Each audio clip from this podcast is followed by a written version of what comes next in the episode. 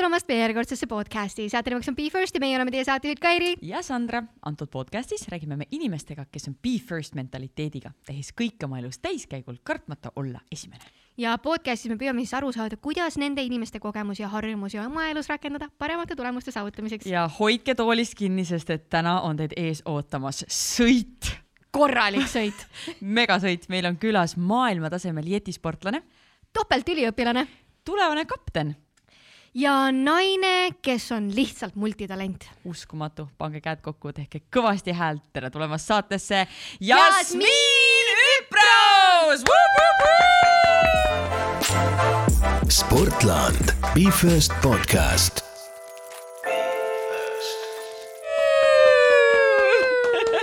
nii hirmusakas jah, nii hirmusakas. tšau!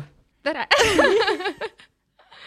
nii äge, et sa said äh, tulla, sest et äh, sul on tegelikult äh, varsti graafik täitumas ikkagi meeletul kiirusel, nii et üliäge, et me saime su enne hooaja algust siia endaga rääkima. ja mul samad sõnad, et tore, et ega aega ilusti leidsime ja saime ühise aja mm. -hmm. Lillu, kas sa tahad hüpata Ismeni kõrvale sinna, jah mm? -hmm, muidugi. no mine, mine. öelda hops. hops. Seal on pepu sügamine ja värki. see ei ole mingi tavaline külaline meil siin. tasuta massaaž. no tuleb juba. jaa, olemas. Vau, seda iga kord ei juhtu. küll aga, mis iga kord juhtub, on esimeste mäng. nii äh,. väga lihtne, meie alustame lauset, sina lõpetad ja me räägime sinu esimestest. ootan põnevusega. ma siis alustan, jah? noh, tulista. see on see sõna, millega ma kogu aeg tuksi panen, nii et esimene jett. Ma tšekkisin selle üle, see on jah, see on jett, ma ütlesin jeti, jeti, jeti.. mina olen see, kes kirjutab, ütleb kogu aeg jeti, no see jeti värk, vaata. esimene no, jett. jaa, et jeti on ikkagi see jää või lumekoletis onju, et jett nimetavas käändes on siis masin, millega ma sõidan. sa nagu oleks öelnud seda varem kellelegi. Jaa, huvitav onju, et tuleb ette äkki mõnikord. Aga selles mõttes äh, esimene jett mm, täiesti esimene, ma arvan, teile võib-olla väga need tehnilised jutud ei ütle midagi, aga Kawasaki SXR kaheksasada. ah, seda nime ma tean. ja Kawasaki on motikas, sellepärast me teame seda. Aga võib-olla, et võrdlust tuua, et siis sellel ajal see jett kaalus sihuke sada pluss kilo, oli üle meetri pikk ja toppkiirus oli kusagil kaheksakümmend kilomeetrit, siis täna ma sõidan jetiga, mis on pea kaks meetrit pikk, kaalub kakssada viiskümmend kilo ja toppkiirus on sada viisteist pluss et noh, see areng on ikka toimunud sellest masinast päris palju. ja mis see pluss on, kui palju see siis võib minna?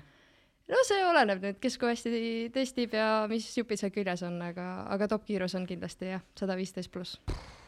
aga esimene jett, millega ma võistlesin, oli tegelikult hoopis Belassi Extreme ja sellega on niisugune huvitav lugu, et äh, sellel ajal olid meil siis Eestis ja jetispordis sellised äh, reeglid, et see masin läks nii-öelda F1 kategooria alla ehk siis kõige võimsamate masinate alla. mis tähendas, et ma ei saanud võistelda ei juuniorklassi ega naisteklassi, vaid siis minu esimene võistlus oli kohe meeste top-klassiga koos, kuna see masin lihtsalt ei võimaldanud kusagil mujal võistelda. nii et võib-olla ei ole kõige tavalisem algus äh, üldse jetisportlasele, et kohe alustada kõige kõvemast masinast ja kategooriast. miks siis nii juhtus? Kolisemasin ja kuidagi äh, läks edasi ja mulle sobis selles mõttes ja tegelikult ma arvan, et see on hästi kiirendanud minu arengut ka, et äh, ma ikkagi olen väga hiline jetispordiga alustaja nii-öelda sõitjana. no mis, kui vanalt sa alustasid? sa, ma, ma lugesin, et sul neli-aastaselt jaa, ei no ma proovinud jetti muidugi ja ma olen üles kasvanud ja ma tean neid kõiki inimesi, kes seal on, aga esimene võistlus ja reaalne niisugune treening ikkagi on niisugune vanuses seitseteist, kuusteist, mis noh, tavaliselt ikkagi on juuniorid ja sellises vanus võisteldakse wow.. aga miks sa siis nii hilja, kui sul peres kõik sõidavad, miks sa nüüd alles avastasid, oh, nüüd võiks tipptasemel seda teha? nojah, selles mõttes spordiga ma olen ikkagi terve elu tegelenud, neid alasi on mitmeid ja, ja, ja kogu aeg ma tegelikult äh, väiksest saadik olen otsinud ja ma olen teadnud, et ma tahan tippspordiga tegeleda. no nagu reaalselt südamest ma tean, et ma, mul on nii naudin seda kogu programmi, süsteemi, eesmärki. ja siis kuidagi, ma arvan, ma olingi kolmteist või, ma hakkasin nagu treenima ja ma nägin, et see on nagu üks ala, kus ma reaalselt, on mul võimalus ise see plaan paika teha ja reaalselt ka Google'i jõuda, et ma olen tennisega tegelenud, iluvõimlemisega, ujumisega ja kõik seal on nagu mingite asjade taha jäänud või ma ei ole nagu olnud see, et täiega läheks teeks, aga selle spordiga kuidagi käis see klikk ära ja siis äh, kaks tuhat seitseteist oli siis esimene täishooaeg ja nii-öelda võistlemine. kas sul on siis geni-, ma pean tänane saade läheb huvitavaks olelusvõitlus Kairi ja Sandra vahel, kes saab küsida? kas sul on siis geneetiliselt ka mingi soodumus olla nagu jetisõidus, jah? Äh, jah, võib, võib nii öelda, et nagu kasv selles mõttes on väga hea, võib-olla natuke liiga lühike, aga pigem on hea. Äh, füüsiliselt ma olen ka hästi vastupidav, mis on selle ala juures väga oluline. nii et jah, äh, füüsiliselt vist on soodumus seda spordiala teha. no mis see mentaalne soodumus peaks olema selle jaoks? Kindlasti on väga paljud asjad seal õpitavad ja see käitumismuster, aga, aga ka võidusõiduhing, ma arvan, on ikkagi kaasasündinud inimestel, et see oskus näha, analüüsida, teha, otsustada, et, et see ikkagi tuleb ka ikkagi perekonnast ja kaasa, jah. no need teemad tulevad äh, meil podcast'i põhiosas kindlasti, kindlasti jutuks, aga ma küsiks, et mis oli sinu esimene võistlus?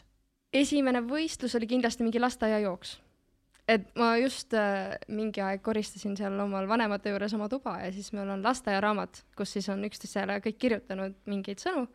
Ja siis iga teine lause minu kohta oli, et see on see kiire tüdruk, see on see, kes jookseb. Et lasteaias ma ikka mäletan ja, et see alati üldlasteaiavõistlustel ma olin seal poistega poodiumil ja ja kõik muud rahva või mis kooliüritused ja spordiasjad, et need võisid olla esimesed kusjuures ma tean, et esimene suurvõistlus oli kahe silla jooks Pärnus. ja ma just tšekkisin eile veel aega ka, et kaks tuhat kümne aastal ja ma jooksin, see on siis umbes kümme kilomeetrit, viiskümmend minutit. mis nagu üheksa-aastasele tüdrukule, ma arvan, päris nagu okei aeg ma ei tea, kas ma praegugi seda ära jookseks, pigem mitte mina oleks, ütleme nii, et äh, hing oleks paelaga seal finišis kaelas jep, ma olen seda ise jooksnud, ma arvan, mul oli ka ikkagi nagu täiskasvanuna oli seal mingi viiskümmend neli või viiskümmend kuus või midagi siukest. no ma ütlen, ega ma praegu pole ise ka seda kohe uuesti jooksma ei lähe, et sellel ajal see sai nagu tehtud. aga noh, lisaks lasteaia ja muudele kooliüritustele, iluvõimlemine ja tennis oli siis sellised alad, millega ma alustasin nagu nelja-aastaselt ja seal olid võistlusi. ja kui rääkida jetispordist, siis esimene, esimene võistlus, kus ma võistlesin, võib-olla kaks tuhat kolmteist, aga see oli sihuke üksik äh, sõit isegi, ma ei sõitnud tervet võidusõitu kaasa. ja kaks tuhat seitseteist siis jah, täishooaeg ja esimene mm kaks tuhat kaheksateist kohe otsa. oota, aga mis see tähendab, et sa ei sõitnud tervet võistlust kaasa, et ainult üks sõit? meil ühel võistlusel on siis kolm või neli sõitu, oleneb siis formaadist ja ma arvan, ma sõitsin üks või kaks sõitu, võistlussõitu siis ainult kaasa mis see tähendab, kas te teete sama rada nagu neli korda või on mingid erinevad rajad või kuidas uh,? How does this work It works like this et meil on üks rada, mis on märgistatud vee peale poidega, meie märgistused siis uh,. noh, eri värvid tähendavad eri poole pealt pöörama ja on ka topeltrada, kus siis rada läheb üks hetk kaheks, sa saad valida, kas sa lähed sisemist või välimist et noh, võimalus oleks mööduda, kui sa sõidad kellegi taga ja ta läheb ühte, sa lähed alt alternatiivi ja mm. see läheb mm. siis kokku varsti, et kes sealt siis esimesena välja tuli. mõnikord on sama, mõnikord keegi kukub. noh, see on stat-, niisugune strateegiline mäng seal. ja igatahes sama rada, ühisstardiga lähme ja siis üks võistlussõit oleneb klassist, hetkel naistena on viisteist minutit pluss üks ring ehk kokku kestab see umbes kakskümmend minutit täielikku võistlussõitu. ja iga sõidu eest saame siis punkte ja kokku on siis ühes võistluses neli sõitu või kolm sõitu, et ja see on kahe-kolme päeva peale ära jaotatud võistlussõidud. mille alusel sa punkte saad? Äh, kohtade järgi, et esimene koht kakskümmend viis, siis on kakskümmend kaks, kakskümmend. silmade nagu,? noh, jah, stiilipunktid. ma ei tea, stiilipunktid äkki on, nagu võttis nii hästi kurvi või ma ei tea, hoiab lenksu eriti hästi. no siis ma võidaks küll kõik asjad vist. stiilne kukkumine no,, oo, siis ma võidaks mm. -hmm. kindlalt okei aga sul on neid võite päris palju olnud, aga räägime korra mm, sellest korrast, kui sa tundsid esimest korda uhkust. tegelikult äh, see ei olnud üldse ammu, ma arvan, see oli alles möödunud aastal. et möödunud aasta meil hakkas hooaeg suve keskel Covidi tõttu, meil oli kõigepealt Eesti meistrivõistlused ja kaks Euroopa meistrivõistlust. mul oli uus masin ja me katsetasime seda ja, ja ma ise võib-olla ei olnud ka nagu, me ei olnud ammu võistelnud, samas ma tegelikult olin valmis, igatahes need kolm võistlust läksid suhteliselt aia taha ja peale seda ma olin ikkagi suht pettunud endas või, või natukene oli nagu emotsioon maas. siis oli meil siin kohalikud võistlused, kus ma käisin tegelikult üksinda oma jetiga, mis tegelikult andis mulle hästi palju motivatsiooni ja niisugust nagu julgust ise käia täiesti, noh, kõik see tehniline pool ka enda kanda. ma sain hoo üles, kõik, kõik väga hästi ja meil oli siis eesmärgiks mm Itaalias. Läksime siis eh, MM-ile kohale ja treeningud ideaalne, no super ajad võrreldes teistega ja oli ajasõit. Kõigepealt, siis masinal tehniline katkestus, ma ei saanud isegi ringi kirja, ma sain vist viimase aja seal, mõtlesin, no okei okay,, stardime viimaselt kohalt, ju siis on niimoodi, et homme on esimene võistlussõit. siis äh, läksin esimesse starti. Äh,, tulin siis viimaselt kohalt, peale esimest ringi ma olin juba neljas. Ja siis teise ringi keskel masin andis jälle otsad. siis ma tulin ära, siis ma olin täiesti, noh, ma olin nii pettunud, ma läksin, tulin kaldale, siis mul isa ütles, et mine autosse, et ta tegeleb masinaga, et rahune maha.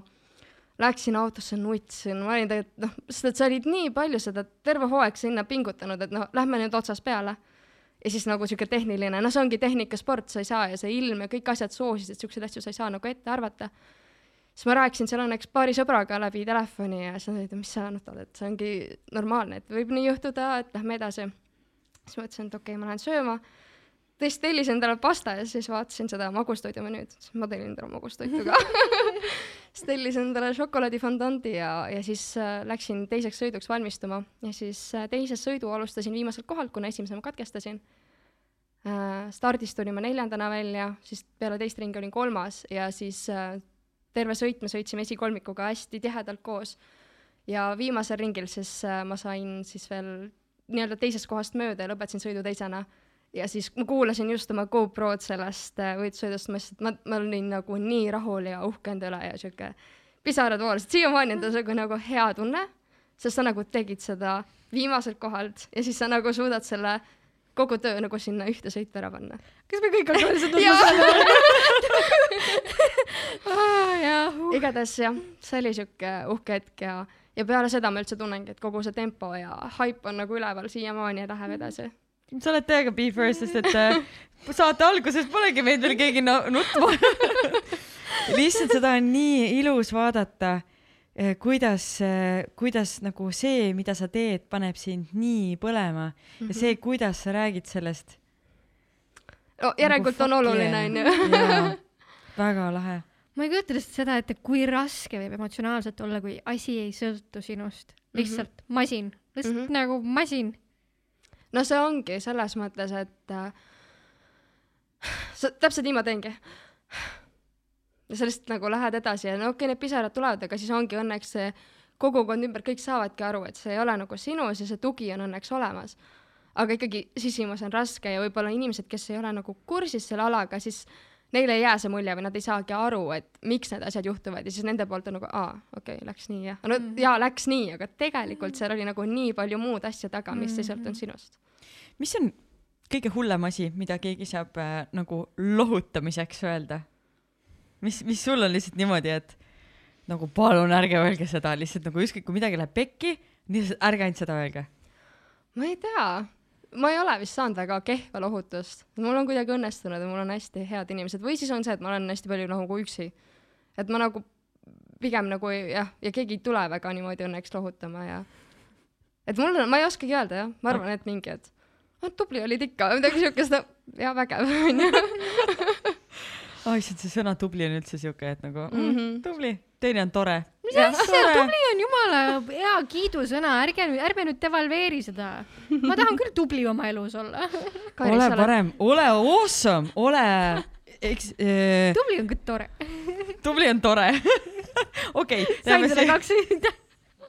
Thanks ähm,. aga üks asi, mis mind äh, tehnikaspordi juures on alati nagu pannud, pannud mõtlema, et uh, ma tahaks seda ala teha, on sellepärast, et minu arust teil on nagu badass karikad, nagu lihtsalt jõhker. muidu sa lähed mingit teist ala teed, saad oh,, no medal, tore, diplom mm,, aga sa lähed, see on nagu massive karikad. mis Oo, oh, oli sinu jaa. esimene karikas? Kusjuures sellega oligi pikalt, et äh, ma arvan, ma olin kolmteist, mul ei olnud ühtegi karikat, sest mul olid ainult medalid, kõik need jooksuvõistlused või diplomid või see ongi see, et aitäh osalemast onju. ja siis ma kogu aeg vaatasin kõrvalt, et oh, kõik saavad mingid karikad ja täiega tahaks. Ja ma arvan, esimese karika ma sain ja jetispordi mingilt võistluselt, aga rääkides ägedast karikatest, me just tulime Taist nii-öelda jaanuarikuus, kus meil oli siis maailmakarika etapp no seal anti, no üldse selles mõttes on nende karikatega on nagu suur probleem, need on suured, kuhu sa paned need, kui sa tagasi lendad, onju. aga ennem seda, neil oli siis meil suur kast, kus need karikad sees olid ja ma pidin selle hotelli viima. Ja ma olin rolleriga. Ja siis ma panin, tahtsin siia jalge vahele panna. Ja see on nüüd absoluutselt kõikide inimeste ees. see jäi niimoodi risti sinna istme ja selle tuutu vahele niimoodi, et see karjus üle selle kogu nagu võistluspaiga, kõik vaatasid. Ja ma ei saanud seda nagu paika ka, siis ma kuidagi sain selle ära, siis jäi nagu roller vait. siis ma sõitsin edasi, käisin ühtede sõitjatega rääkimas, tõstsin vahepeal maha, tõstsin uuesti selle ja see jäi jälle. Ja see oli mingi hotelli ees ja siis jooksid kohalikud kõik sinna rolleri juurde, kas kõik on hästi, kõik on hästi, ma nagu jaa, kõik on hästi. see on minu vaadake. ja sa oleks võinud ikka terve tee sõita niimoodi, see oleks väga safe olnud, vaata, kuuled kaugelt, kuigi tuleb kuskilt. ütleme nii, et mul siukseid piinlikke asju juhtub kogu aeg, et mul ei ole enam piinlik, ma lihtsalt olen leppinud sellega, et see on mina. häbi on, aga ei tunne. jah, oota, aga kuidas sa siis ikkagi selle karika koju saad? No siis enamasti jah, pane, võtadki sulle või nad panevad sul kusagil spetsiaalkohta selle, et. et ikkagi. lubatakse nagu käsi pagasina, et lähed ja, ja, ja, ja, eraldi jah., jõu, lihtsalt sõitsin just praegu sinna casually. paned prillid ka veel ette ja teed sellise näo pähe nagu jaa. mis te tahate? judonomi, judonomi. Mis asja? olen ka saanud eraldi istmekariku. ma panen selle kirja istekarika jaoks. ja see on väga hea life hack, peaks ka seda katsetama järgmine kord, kui mingi pikka lendu lähed vaata, kaks. karikat kaasa võtad, vaata. jaa, palju sul neid üldse kokku on?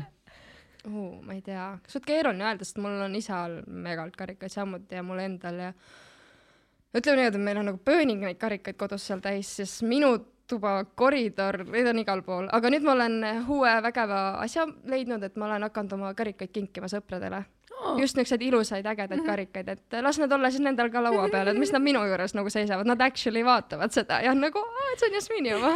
see on nagu motivatsiooniks, et nagu, et kas minna täna trenni, kurat, karikas on juba, peab minema. peab minema jah. kuulge, aga meil on veel äh, lõpuspurt meie esimeste mängule, nii et ma võtan järgmise küsimuse. esimene sponsor. noh, kindlasti vanemad ja kogu siis see tugi, kes on selle põhja alla pannud, aga, aga esimene nii-öelda välissponsor, ma pean ütlema vist, et äh, Red Bull Estonia. jaa, kaks tuhat seitseteist aastast me oleme koos olnud ja siiani. kui lihtne või raske on üldse sponsoreid saada? Eestis nagu, noh, ega ta ongi niisugune küsimus, et äh, lihtne või raske, et see kõik oleneb, kui palju sa ise suhtled ja keda sa reaalselt sul üldse vaja on ja tahad, et oleneb ka, mida pakutakse, et mina olen pigem lähenenud sellega, et ma, ma ei, ma ei saa ja ma ei taha ja ma ei saa nagu aega raisata iga väiksema asja ja koostöö peale, et ma pigem tahangi leida häid partnereid, kellega koos teha ja õnneks ma olen nagu leidnud. aga siis äh, sa ise kirjutad või kuidas see protsess käib, et Enam- kui mõni sportlane kuulab, et kuidas nagu, ei no ikka tuleb ise kirjutada, ega keegi sind nagu kivi alt ei tule otsima, onju. sind ei pea kivi alt otsima, sa oled ju poodiumil. jah, jah, tõsi, oleneb, et on ka oluline on ju, et see info jõuakski mm -hmm. nende inimesteni, et see on, aga, aga tuleb oma tutvusringkonnas ringi vaadata, kes keda tunneb ja tegelikult see on nagu al-, esimene samm, mida tegelikult peaksid sportlased tegema. no sinuga on see probleem ka, et sa oled lihtsalt nii kiire, et sind nagu ei pane tähele, et näed, et Ah, ja siin. ja vaata kiiveroga peas ei saa aru ka nagu, oota, kes see oli nüüd siis praegu? nii, aga me enne kukkumistest rääkisime mm. -hmm. räägi, mis oli sinu esimene kukkumine? oo jaa, no ma olen selles mõttes sarikukkuja, ma ikka iga päev kukun kaks-kolm korda, ma olen juba, need ninja poosid on selged, kuidas jää peal olla ja kuidas nagu mitte kõike ära lüüa. aga esimene kukkumine, võib-olla on siis nooremast east, me käisime siis mägisuusatamas ja mul oli lauapäev, ma arvan, ma olin mingi esimene klass. Ja siis mõtlesin, oh, väiksena väga ei ka-, tegelikult ma siiamaani väga ei karda asju proovida, et ma olin nagu, oh, lähme proovime seda hüpet. ma olin üksi, selles mõttes see hetk, oma mõttes ma mõtlesin, lähme proovime hüpet ja läksin ja mõtlesin, et sihuke väike hüpe ja tuli välja, et ei on nii väike, oli päris kõrge. ja ma panin siukse latakaga vastu selga, noh, selili maha. ma tõusin püsti, sõitsin sinna alla ära, läksin tõstuke peale, et kõik on hästi, kõik on hästi ja siis üles sõites hakkasid seda hinge koguma, et oi uh,, ei ma saanud ju näidata, et mingi haiged said või midagi, onju. Aga jetispordis äh, ma arvan, kaks tuhat seitseteist esimene välisvõistlus oli meil Põhjamaa meistrivõistlused Soomes, esimene stardikurv, kohe sõideti külje pealt otsa, noh, ka minu viga mingil määral trajektoori mm, küsimuses, aga samas seal ka kõik sihuke kokku. ja mind toodi kanderaamile ära seal vee pealt ja masin oli täitsa katki ja ma läksin sinna meditsiinipunkti, vaatasin nende inimeste otsa, kuulge, come on, kõik on korras, lähme starti õnneks need naised ootasid, siis ma vaatasin, mu masin on seal, siis ma jooksin seal meditsiinipunktis sinna starti ja ma tegin kogu sõidu kaasa, ma tegin vist teise sõidu ka ja siis õhtul peale, kui see adrenaliin oli kadunud, tundsin, kuidas kogu kere on valus ja vaatasin seda jeti ka, et tagant oli ikka külg täitsa katki. aga sõitmata ei saanud jätta, Oh nagu kui valus on kukkuda, kui sa sõidadki mingi sada kilomeetrit tunnis otse freaking vette? kas see on nagu asfalt või? no või on ta ikka vesi? see on siuke, ja siis sa hakkad hakkama vaatama, et kus sa nüüd oled, kas nii, ahah, ma olen püsti või ma olen vees, pea on õiges suunas. aga noh, tegelikult on vee peal ikka oht kukkudes see, et sa pead ikka veed, pea, pead vee all hoidma, sest sa ei tea, kes sul sead, seljalt tuleb. et äh, oled niimoodi küürus, mis sa pead kuulama, et kas sa mootori hääli kuuled, ei kuule, okei okay,, siis võib veest välja tulla, sest et ikka on olnud olukordi, kus sõidetakse nii-öelda otse, otsa. Et see on nagu vee see üks mure, et ei ole näha, kus see sõitja täpselt on. oh my god, miks sa teed seda spordiala aga mul ei ole õnneks niimoodi juhtunud ja kõik on hästi ja selles mõttes jah. motosport on ikka karm, noh. aga äge. aga äge on ju. täiega äge, no vaata, kui me ise suvel käisime seda, no jaa, aga nagu see on. ta meil ka siin kukub kogu aeg. rets, ei, vinge naine, pole midagi öelda. aga võib-olla siis veel üks hea kukkumine, rääkides igasugustest ekstreemsustest, lolludest, lollustest, et me käisime isa ja vennaga, mul on kaksikvend äh,, metsas siis äh, ratastega sõitmas. ja, ja siis äh, ma olin ka suht noor ikkagi ja siis paps oli, et davai, davai, et lase siit mäest alla ja sealt hüpekast hüppa üles, muidugi, läksin ja hüppasin ja siis sellel rattal ma no, ei olnud amorte, sest see oli nagu siuke, millel ei olnud amorte. väga vale ratas, millega metsa minna selles mõttes. ja siis ma kukkusin niimoodi sirgete käte peale ja siis ma sain oma esimese käelumurru. selles mõttes sul on normaalne paps, täiesti okei okay.. aga ma arvan, et kui sul ei oleks sellist isa, siis siis sellist asja sa täna ei teeks ja sellisel tasemel sa seda vist ka ei teeks. ai absoluutselt. ja võib-olla kukkumised, mis on õpetanud elus, et kuk-, peale kukkumisi saab edasi minna, oli ma tegelesin veel siis veelauaspordiga, wakeboardiga course. sest mu isa samuti tegeles sellega Baltikumi nagu profitasemel. ja no kõik suved me ikkagi olime kas noh, vee peal nii või naa ja sõitsime siis veelauda ja no seal on kogu aeg face plant püsti, face plant püsti, face plant püsti ja tegelikult see nagu ma tunnen, et ongi õpetanud seda, et okei okay,, uuesti, uuesti, uuesti ja nüüd lõpuks äkki tuleb välja. et ma arvan, seal päevas sai kukutud no ikka kümneid kordi. Kuidas sa vaimsete kukkumistega hakkama saad? tead, ma ei ole isegi mul kindlasti on olnud hetki, kus ma nagu olengi madalal ja nii, aga õnneks äh, on head sõbrad, tõesti on head, head sõbrad, kes nagu viivad täiesti kõrvale, väljapoole. või teine on äh, trenn.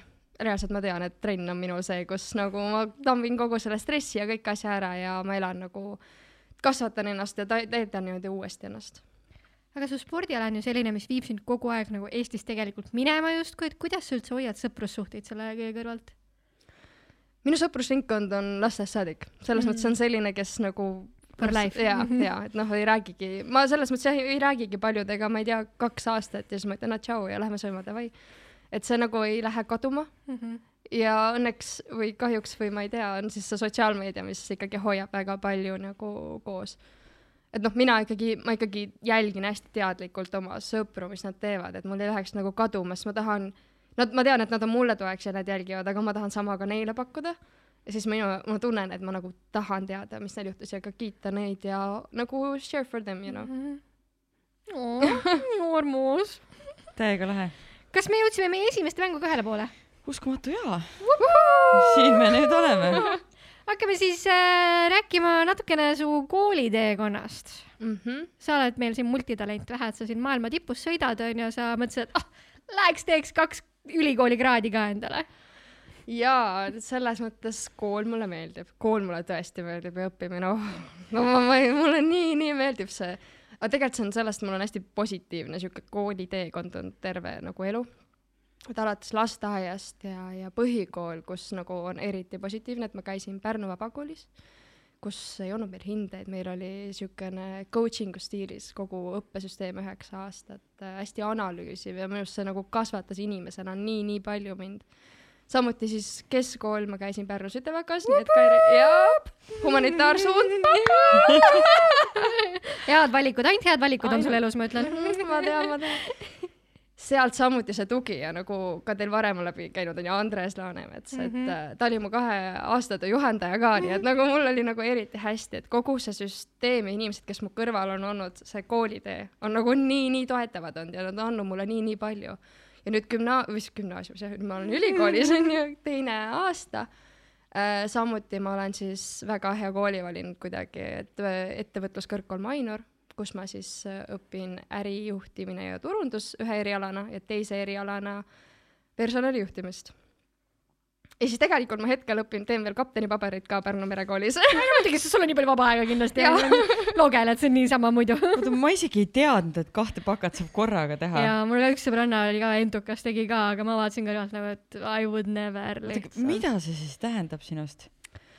ma õpin selles mõttes, mis see on, kaug-, kaugõppes, kaugõpe. kaugõppes, ehk meil on kuus, kaks nädalavahetust on siis äh, või nädala lõppu on siis neljapäevast kuni pühapäevani. Ja kuna turundus ja personali juhtimine on erinevatel nädalavahetustel, siis põhimõtteliselt kokku tuleb mul see, et mul on nagu iga nädala lõpp kool. Ehk nad otseselt ei kattu. küsimus on, et kuidas siis neid äh, kodutöid ja asju nagu ära jaotada, jaotada, aga see tuleb kuidagi jooksuga. Ja teine pluss, mis siis on äh, Mainor mulle andnud, on see, et meil kõik loengud salvestatakse ehk ma ei peaks reaalselt kohapeal olema, ma saan nagu kõigega kas laivis või, või järele vaadata. ma ütlesin õigesti. mis asja? järele vaadata, mitte järgi vaadata, nüüd järele., nüüd võib mõlemat kasutada. Ah, jah. hea, et nüüd siis praegu on võta rõõmu ära väiksest asjast sorry. siin, et sain. igatahes see on jah aja küsimus, planeerimise küsimus ja kui meeldib ja sa reaalselt tahad sellest teada, siis ma olen nagu see, et ma, ma tahan nagu aru saada, mis see nüüd on ja miks, miks, miks, miks üldse just see küsimus, et mind väga häirib, kui õpetatakse asju, kui isegi see õpetaja ei tea, miks ta seda räägib. mis sa siis noh, räägi mulle, miks mul seda või miks see oluline on, onju. aga miks sa just need erialad valisid? ega mul oli palju muid mõtteid. Nii? Mingid meditsiiniga või massaažiga ja ega ma väga täpselt ei teadnud, aga see turundus jäi kuidagi silma täiesti lampi. ja ma olin nagu, aa, kuule, aga see kõlab täpselt see nagu. mida igal sportlasel on vaja, onju, esiteks, mida on vaja väga enda kasupildlik onju. no, teiseks. kellele sa ikka teed kui endale, muidugi. ta on väga loov onju mm. -hmm. ja väga sihuke avatud ja igatepidi nagu eluks ajaks, ma arvan. aga kust see HR sisse tuli? see tuligi sellega, et võiks veel midagi no veel midagi ja see oli ainus, mis nagu nädalavahetuseti klappis või ja, nagu. ei noh, see on ka siuke, et inimesed mulle sobivad ja, ja seal on ka äge õppelaju- või see õppeaine juhataja mm -hmm. ja Mhm. siis see kuidagi läks ja mulle väga meeldinud ja vahva on. kivikott teete äkki või? no mine. kas sa reaalselt näed ennast ise kummaski nendes valdkondades ka töötamas tulevikus?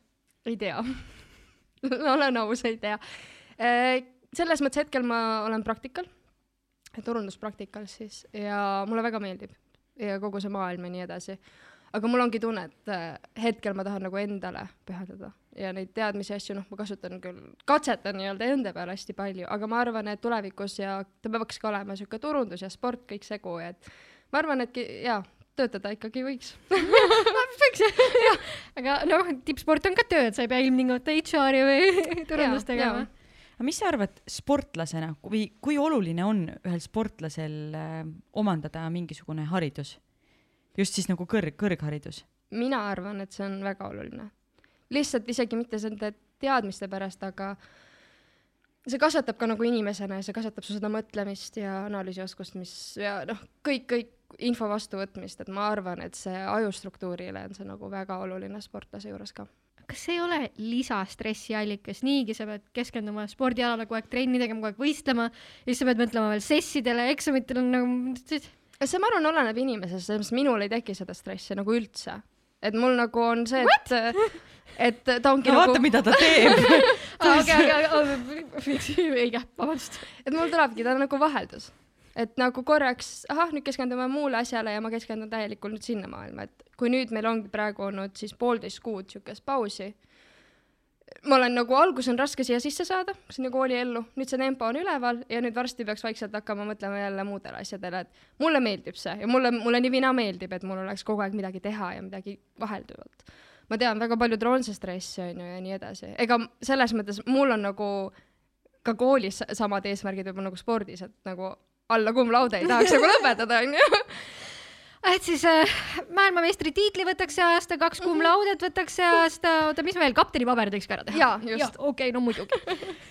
aga kusjuures see on äh, minu arust, seda on sportlaste puhul aina rohkem näha, et, et inimesed lähevad õpp-, õppima või nad mõtlevad juba ette, et mis neist pärast saab, et näiteks Rasmus Mägi näiteks läks äh, sel aastal õppima psühholoogiat Tartu Ülikooli, ülilahe. ja, ja ma just paar päeva tagasi pidasin äh, vestluse ühe, ühe mm, tippsportlasega, kes, kes hakkab varsti spordist lahkuma ja tal on, ta ütles, et tal on hirm et tal on ikkagi väga suur hirm, et mis edasi saab ja mitte keegi pole teda õpetanud, et mis nüüd, mis saab siis, kui sport saab läbi. et see, et sa juba selle peale praegu mõtled, see on, see on nagu väga vinge. ma üldse tunnen, et ma olen hästi teadlikult nagu terve elu mõelnud, et äh, mul oleks see kõrvalelu ka. Ma olen isaga rääkinud ka sellest ju spordi juures, et et ma tea, ma tahan, et mul on see teine elu ka olemas nagu kõrval, mida ma ka arendan, samuti nagu see sõprade pool, mul peab olema see olemas, aga et fokusseerime hetkel sellele spordile, aga need kõrvalasjad peavad nagu kasvatama ja käima ja arendama samuti. jah, et see on oluline selles mõttes, vahet ei ole, kas sa ei saa selle spordiga võib-olla tegeleda, aga, aga teine asi on see, et sul endal on ka huvitav mm. -hmm. ja nagu sa, noh, mina küll tunnen, et ma tahan nagu areneda erinevates valdkondades mm. -hmm. aga kuidas sul täna üldse sihuke klassikaline tööpäev nii-öelda välja näeb või üldse sinu, sinu elu, no sinu päev, milline see välja näeb, kuidas sa mahutad sinna kooli ära, töö ära, trenni ära, kõik asjad? no hetkel ongi siis olukord, kus meil ei ole võistlusi. ehk siis see aga on, võtame selle, kus sul on võistlus. kus mul on võistlused. no suvel kooli ei ole, aga ütleme nii, et meil on siis septembrikuu, kus on võistlused, on kool ja igast muud asjad. no iseenesest on äh, ikkagi hommik algab treeninguga mm, -hmm. et ma ärkan Mhm. mis kell, nii, nii? ma ärkan kell kuus hommikul. Äh, juba ei saa teha seda, okei okay.. kella seitsmest võiks siis jõusaali jõuda, kus siis umbes äh, üheksaks jõuaks võib-olla koju, siis olenebki, kas on koolipäev, siis on õhtuni kool või siis äh, on tegelikult väga suur rõhk läheb ka võistluste planeerimisele, logistikale, eelarvestamisele, tegelikult ka, kui on ka sõidutreeningu päev, siis tehnika testimine, selles mõttes, et see päev on ikkagi täielikult sisustatud, et niisugust päeva, et istuks vaataks telekat, on siis, kui ma võtan selle võib-olla mõnikord, aga pigem ei ole. aga ega ma seda väga ei igatse ka. aga vahepeal ikka võtad? vahepeal ikka võtan ja kui, kui tuju tuleb. kas sa seda nii-öelda eelarvestamise, logistika ja kogu seda poolt teed ka ise?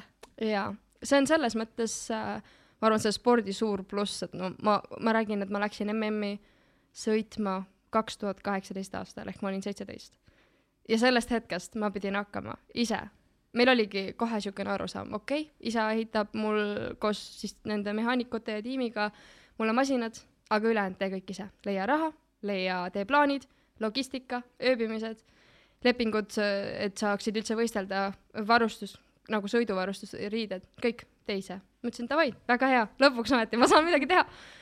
ja sellest hetkest ma olen nagu õppinud seda ja ma tunnen, et ma olen küll praegu logistikaproff, et nagu see tuleb ja ma naudin seda, aga et elu on nii palju õpetanud ja valmistanud ette ka ja ka reisimise osas, et et olla teadlik reisija, et palju sa pead mida ette valmistama sa kaasa, kuidas sa pakid kubara, kuidas üldse mingid asjad erinevates riikides käivad, et see teadmiste baas on nagu baas, baas on kasvanud väga-väga palju. oota, kuidas see esimene kord välja nägi, sa oled seitseteist, sa hakkad nüüd planeerima, kust otsast, kust, kust, mis? oota, ma vaheküsimus, kui vana sa praegu oled? Äh, kakskümmend üks. Bože moj. täpselt sama, ma, Patrik kuulsid, mida me tegime oma eluga, ma ei tea. oota, aga ikkagi, kus sa nagu pihta hakkasid, kui sa olidki nii-öelda vette visatud ja nüüd uju? äh,. ennem kui ma hakkasin siis jõtispordi MM-idel käima äh,, oli mul suur või hea meel siis äh, käia mitmetel muudel tiitlivõistlustel isaga kaasas, kui tema võistles siis tsikliga sõites enduro kuue päeva siis rahvusvahelistel tiitlivõistlustel ja ma käisin seal kui mehaanik. minu ülesanne oli trille puhastada ja meestele süüa tuua. Ma olen käinud massöörina võistlustel, nii et uh, I, I know this. isegi olümpial olen olnud massöör. Just saying. igatahes ma olin mehaanik ja ma käisin siis kahel etapil kokku, kus ma siis tegelikult, ma olin nagu tuttav selle tiitlivõistluste eluga ja see, kuidas see käib, kuidas käib nagu asjade toomine, kus sa pead õigel ajal olema, milline see mentaliteet seal üldse on, et see ei olnud mulle võõras. ja mu isal on ka tegelikult nii suur kogemus niisuguste võistlustega, et see esimene planeerimine nägi niimoodi välja, et võtsime Exceli ette, panime kuupäevad sinna ja siis hakkasime seda nagu koos äh, isa ja seal oli veel mingeid inimesi täitma, et kuidas, mida, kilomeetrid, kulud, see oli esimene kord, aga siis ma sain aru, et ma ei jõua teistega koos teha, ma pean ise tegema, ütlesin aitab, ma teen ise. ja nüüd ma teen kõik ise. täiesti ulme. see on ikka uskumatu skill. kui palju sa guugeldad selle aja jooksul, kui sa, kui sa, kui sa teed neid asju või kust sa, kust, kust sa otsid, kui sa abi, kui sul on abi vaja? Äh, Õnneks äh, on kusjuures kõik need äh, teadmised, kust nagu infot saada erinevate asjadega tulnud koolide kaudu, mis ma olen nagu, võib-olla isegi on üllatav, onju, aga et just nagu reisimise osas, et kuidas üldse, meil oli võistluskoht Indias, kus küll jäi võistlus ära, aga mingi, mingi suvaline nimi, Amarati äkki. sa mõtled, kuidas sinna saada, et kuidas üldse tegelikult on ju infot saada, et kuidas sa sihukesesse kohta saad. siis tegelikult on nagu olemas lehekülgi, kus sa saad siis, panedki, et sa oled siin praegu Tallinnas, sa tahad sinna saada ja ta näitab sulle kõikvõimalikud reisi, mis äh, viisid sinna ära, kas lennuk, rong, mis need maksumused umbes on, et seal oot-oot-oot, mis Google see Maps koht on? Rome to Rio. olete kasutanud, ei ole? soovitan Rome to Rio. väga hea, et sa näed, sa saad selle pildi ette, kuidas sinna üldse on võimalik kohale saada, võib-olla saadki ainult taksoga, onju. ja siis sealt edasi selles mõttes läheb loogiliselt, siis sa saadki otsida, et ahah, sinna said lennata, okei okay,, otsin need lennupiletid sealt, värki-särki ja. Et sa pead teadma.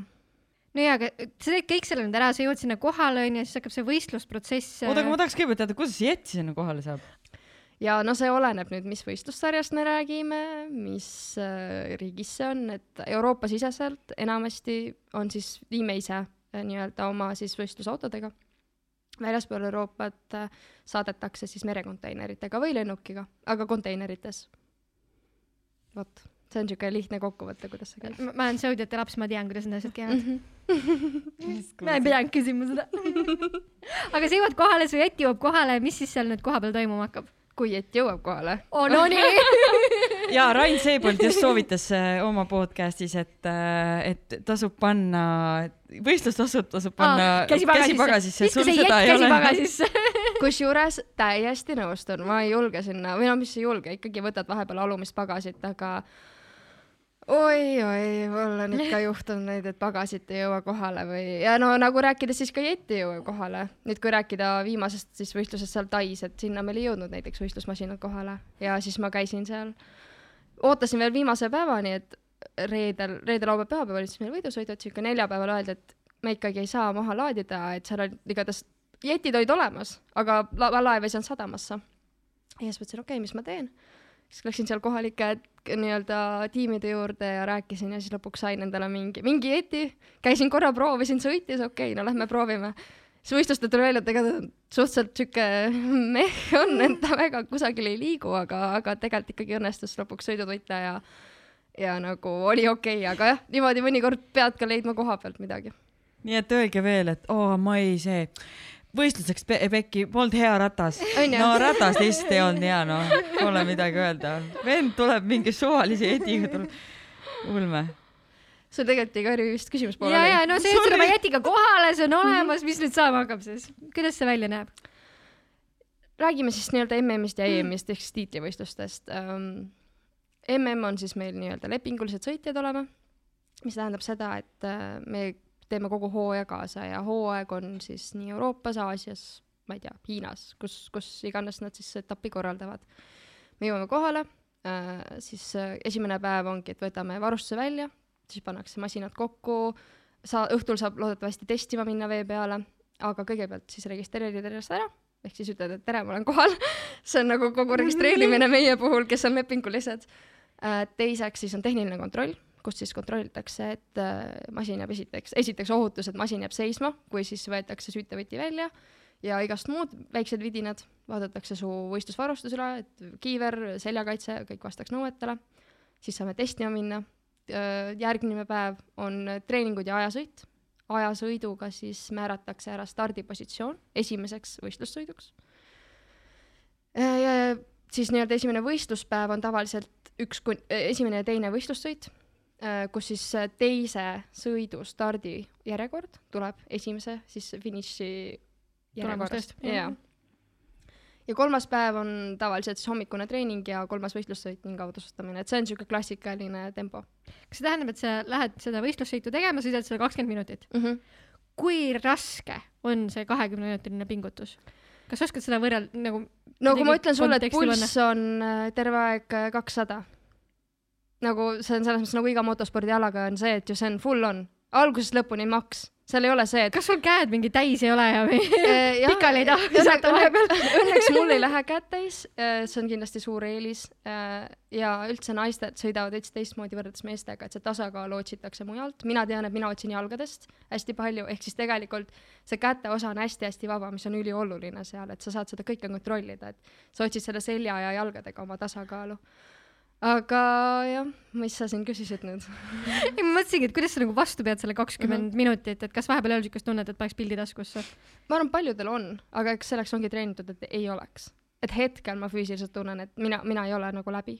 kas sul on pärast seda siuke tunne, ah läheks teeks ühe triatloni või läheks teeks ühe sõidu veel selles mõttes, et ma tunnen, et äh, jaa, et ma võiks nagu sõita veel. Eks seal vist, eks seal see adrenaliin mängib mm. -hmm. ka oma, oma osa. jaa, aga sa tuled maha, siis võiks juba nagu ei, ei, seal on paljusid, kes tulevadki maha ja on selline ja mm. -hmm. silma eest on peaaegu must, onju, et see täiesti oleneb sinu füüsilisest vormist, teiseks see oleneb ka sinu masina ülesehitusest, kui mugavalt see on sulle paika täpselt pandud, et mina arvan, et ma olen üks sõitjatest, kes on kõige rohkem käinud masinaid testimas ja seda täpsustööd teinud, et see oleks täpselt see, mida ma tahan, mida mul oleks vaja, et mul oleks kõige mugavam, ma saaks kõike kasutada, mida see masin saaks pakkuda, et ma usaldan, onju, noh, et see on nagu, me oleme selle töö reaalselt teinud, et ma arvan, neid testimise tunde seal vee ääres, no need, kes seal Pärnu jõe ääres elavad, on kuulnud nagu, et see on ikka pikalt, ega tihti on see, et mul sõbrad kirjutavad, Jasmin, läksid trenni või?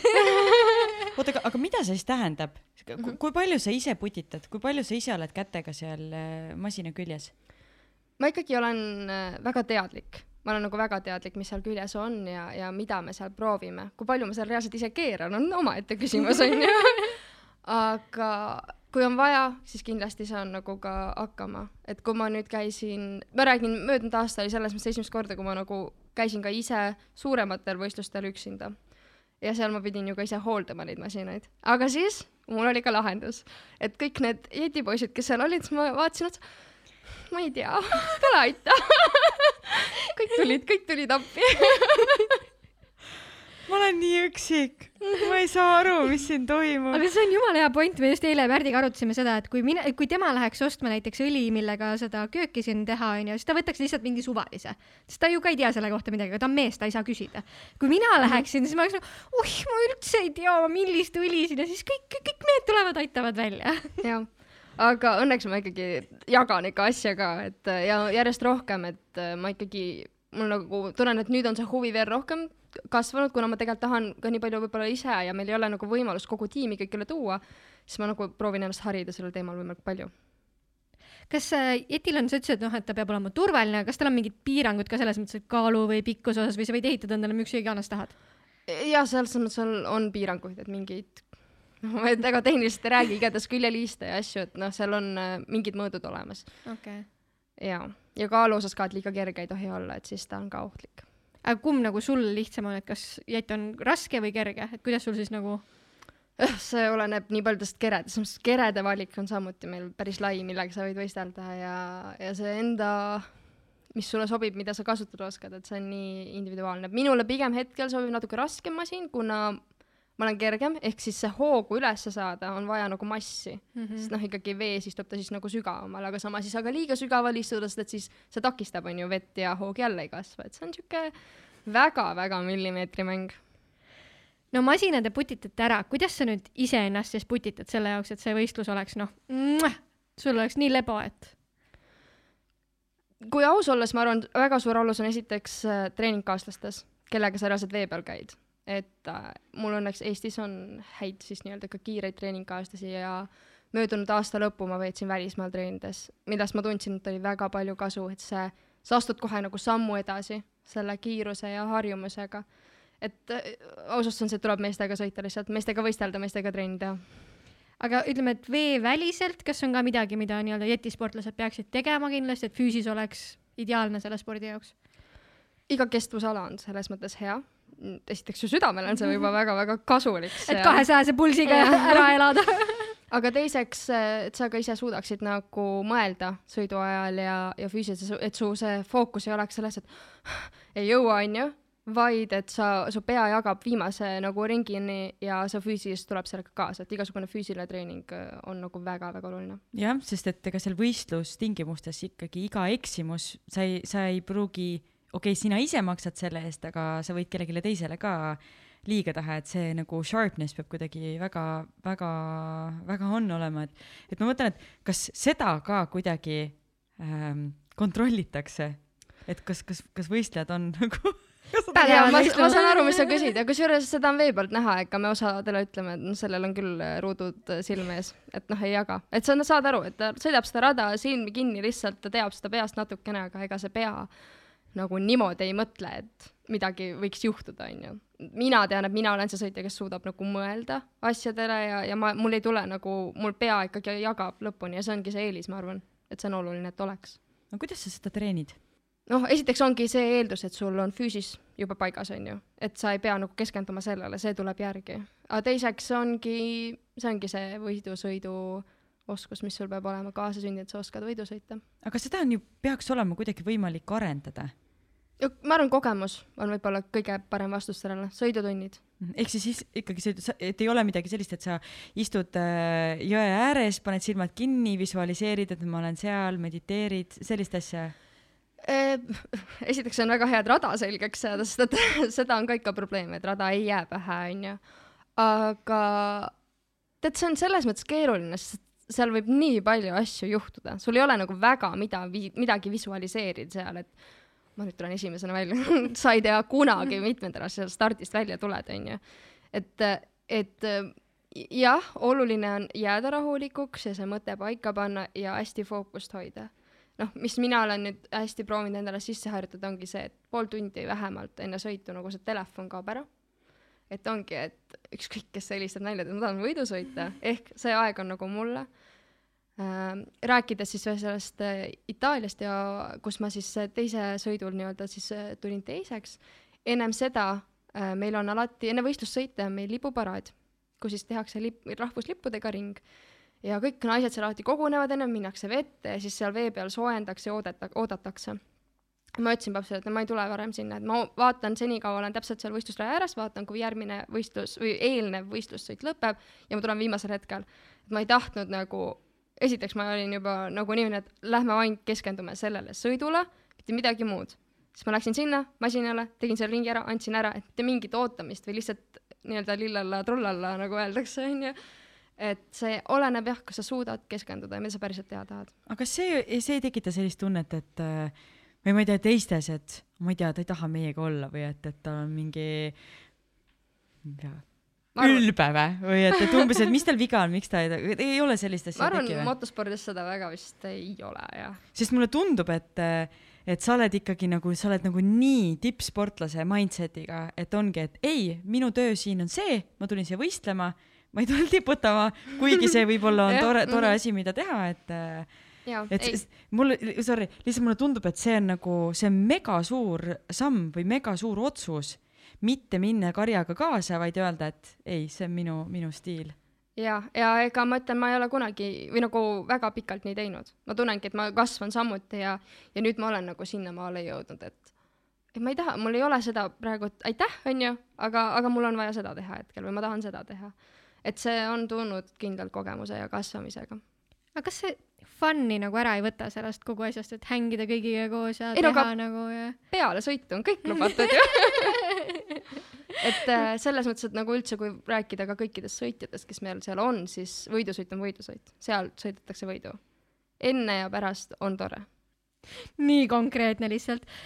no ilmselgelt sellepärast sa nii kaugele oma elus oledki jõudnud. kas sul on mingeid nippe või trikke jagada inimestele, kes tahaksid täpselt samamoodi olla väga fokusseeritud ja jõuda eesmärkidele nagu lähedale, et äh, mida nad peaksid oma elus arvesse võtma? mida sa nagu igapäevaselt näiteks võtad? Ma arvan, aluspõhi on võib-olla see, et üldse osata analüüsida ennast, aru saada, kes sa inimesena oled, mis sul toimib. mina tean, et ma olen hästi strateegiline inimene, ehk mulle meeldib plaani panna, planeerida, paika panna, samas mulle meeldib ka väga loov olla, aga mul on hea, kui mul on nagu see põhiplaan olemas, näiteks ka koolis õppides, siis äh, mind väga häiris, kui õpetajad hakkasid rääkima teemast, nad hakkasid rääkima mingitest väikestest asjadest. mulle nagu meeldiks, kui ta räägib mulle selle suure pildi ära, mis see kõige suurem raamistik on ja siis räägime nendest väikestest osadest seal mm. -hmm. et mulle endale meeldib see suur plaan paika panna, ehk siis see eesmärk näiteks. ja nüüd, kuidas me sinna jõuame? et kui inimene tahab midagi saavutada või ta tahab midagi tipptasemel tegeleda, siis panegi reaalselt see plaan nagu eesmärk endal kirja, et ma reaalselt tahan ja sa nagu südames ka aru, et sa tahadki ja siis, ja siis see tegelikult see plaan ja asi, ma arvan, tuleb nagu oma soodu nii-öelda. aga no tihtipeale läheb lappesse, vaata, see distsipliin või see motivatsioon või need kaovad nagu ära, et äh, sul siukest probleemi üldse ei ole? mul nagu jah, seda ei ole nagu ette tulnud, et What is this? Are you human? jah, ei, motivatsioon kindlasti ei ole nagu kunagi ära läinud, pigem need kõik eksimused ja asjad on just see, et aa, ma saan ju hakkama, ma tegelikult ju oskan, ja okei okay,, näitan järgmine kord, proovime järgmine kord. et mind pigem see, just need äh, nii-öelda eksimused või probleemid nagu viivad edasi. näiteks, mina olen väga aru saanud, et see on võib-olla mingi maagiline jutt, aga iga võistlus, enne võistluse algust mul peab midagi metsa minema. A, kas pagas peab kaduma minema, B, ma pean kukkuma kusagilt, sest et siis ma suudan nagu fokusseerida ennast. Ja mul on isa ka öelnud, et see kõlab võib-olla aastat, seal peab ikka korralikult algul läbi sõimama, et siis hakkad ikka normaalset sporti tegema. ja tegelikult ma olen aru saanud, see on niimoodi, et algul sa ikka tuled, et okei okay,, nagu on hoog üleval, aga ikkagi on sellest fookusest on nagu puudu, et midagi peab alguses juhtuma, siis tuleb kõik väga hästi välja. ma nii tean seda, mul oli mm, -hmm. kui mul lavaproovis ei läinud sassi, siis ma olin oh-oh oh-oh, see läheb- tähendab, et nüüd läheb esinemisel Jah. täitsa pekkis Mhm. pekkis nii on, nii on noh. Jasmiin, kas seda on võimalik kuidagi õppida? Mina Kuida- arvan, minu kuidas olla Jasmiin? teeme palun ühe kursuse, nii. ähm, mina ütlen kindlalt, et mul on nagu kasvatusega selles mõttes see kogu süsteem ja mentaliteet tulnud, et äh, me oleme väiksest saadik nii vennaga kogu aeg pandud kodus tööd tegema ja vanaema on samuti olnud see, et kas sööd või ei söö, lähed hästi konkreetne on nagu kõik olnud, aga samas on nagu hästi avatud olnud kogu see suhtlus, et kõik arvamused on, võid öelda, kõik ei solvu et see on tulnud nagu kasvatusega, et ei ole olnud see, et äh, ma lihtsalt teen, et äh, kellelgi oleks rahul, ikka teed asju enda pärast, need asjad peavad saama, sa, mina olen vähemalt tundnud, ma tahan need asjad ilusti ära teha ja heal juhul ka kõige paremini, onju. et see kuidagi on tulnud kasvatusega. no sa oled oma elu ilmselgelt väga hästi paika saanud. kui sa saaksid ühiskonnas nüüd midagi paika loksutada, siis mida sa muudaksid? jaa, ma mõtlesin selle peale, ma ei mäleta, mis ma selle kohta mõtlesin no eks ta tuleb siis, kui ta tulema peab. jaa äh,, iseenesest äh, võib-olla on nagu üks asi, mis mind küll on nagu, et hästi paljudel inimestel on nagu aega teiste elude peale keskenduda. et äh, võib-olla oleks tulusam sulle endale ja üldse parem ka ühiskonnale, kui me võtaks oma elu kõigepealt paika ja siis läheks kommenteerima ja jagama ja aga miks sa arvad, miks, miks, miks see on nii, miks inimesed keskenduvad teiste elude peale?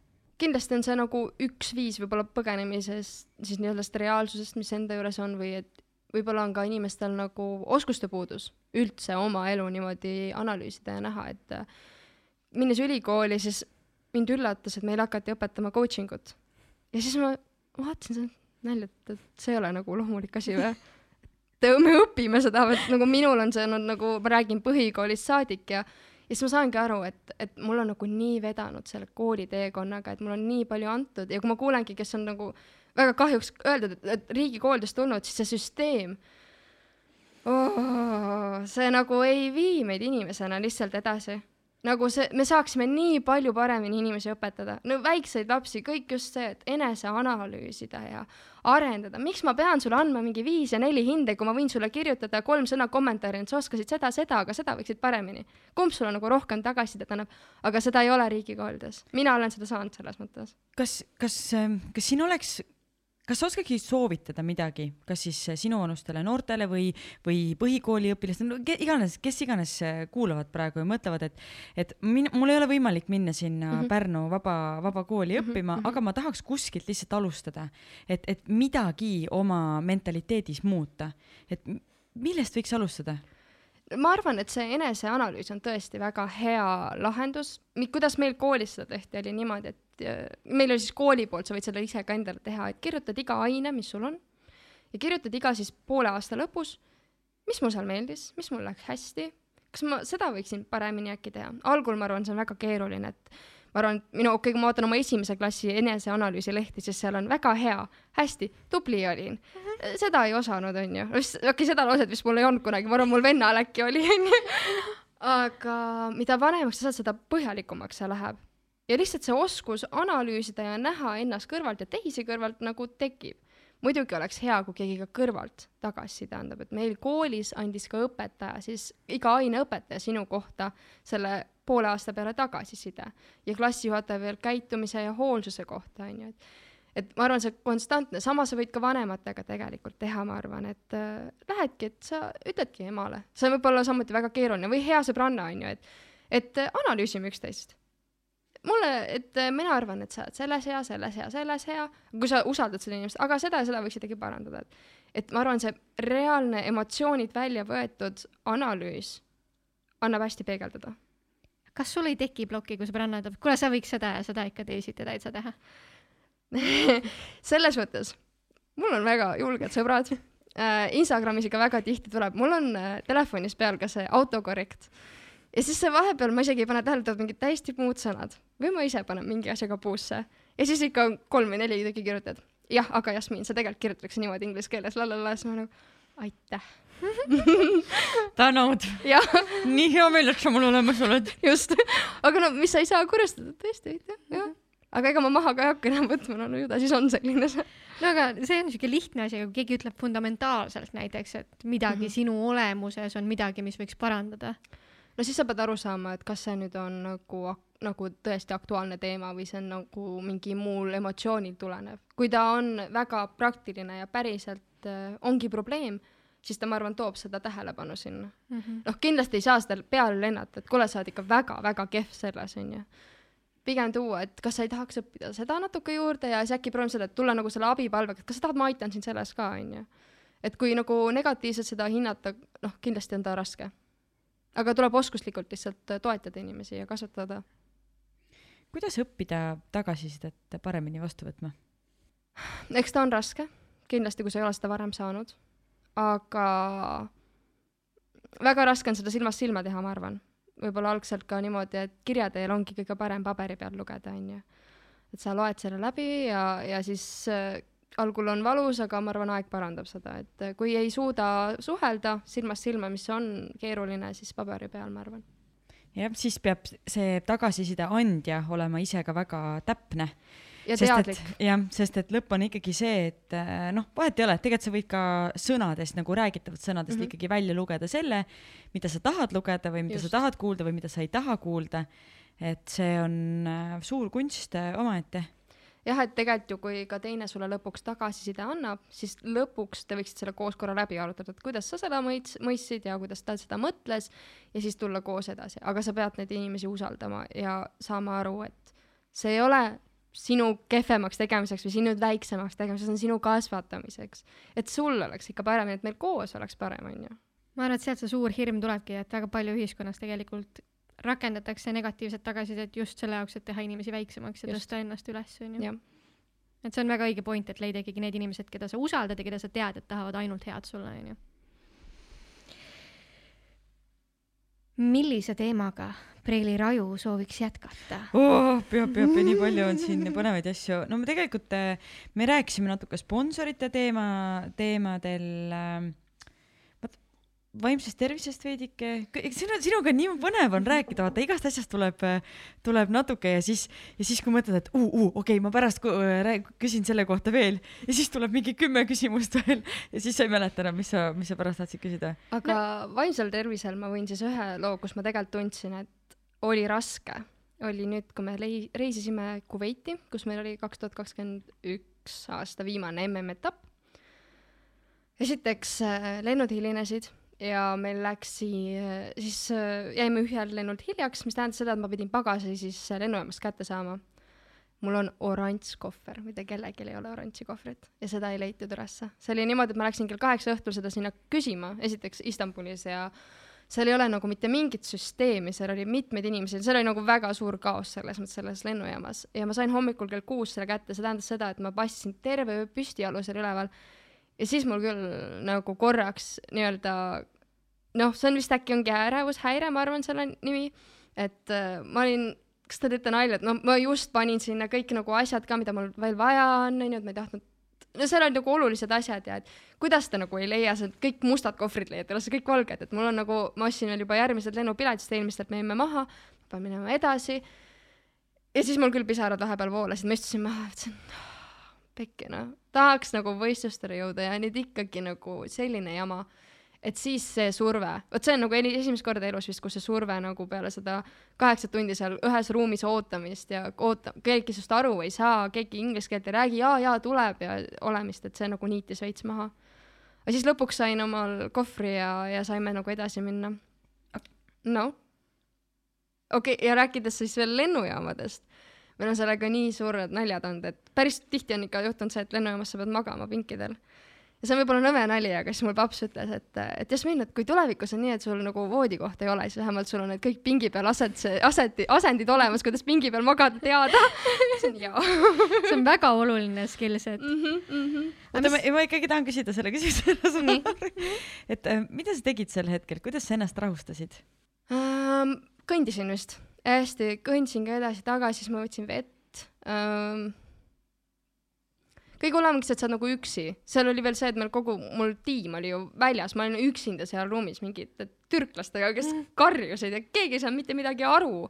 mitte keegi ei kuule. Sa oled seal nagu, sa oled esiteks oled väsinud, see on öö Eesti aja järgi, ma läksin kell kaheksa hommikul kell kuues sain asjad kätte.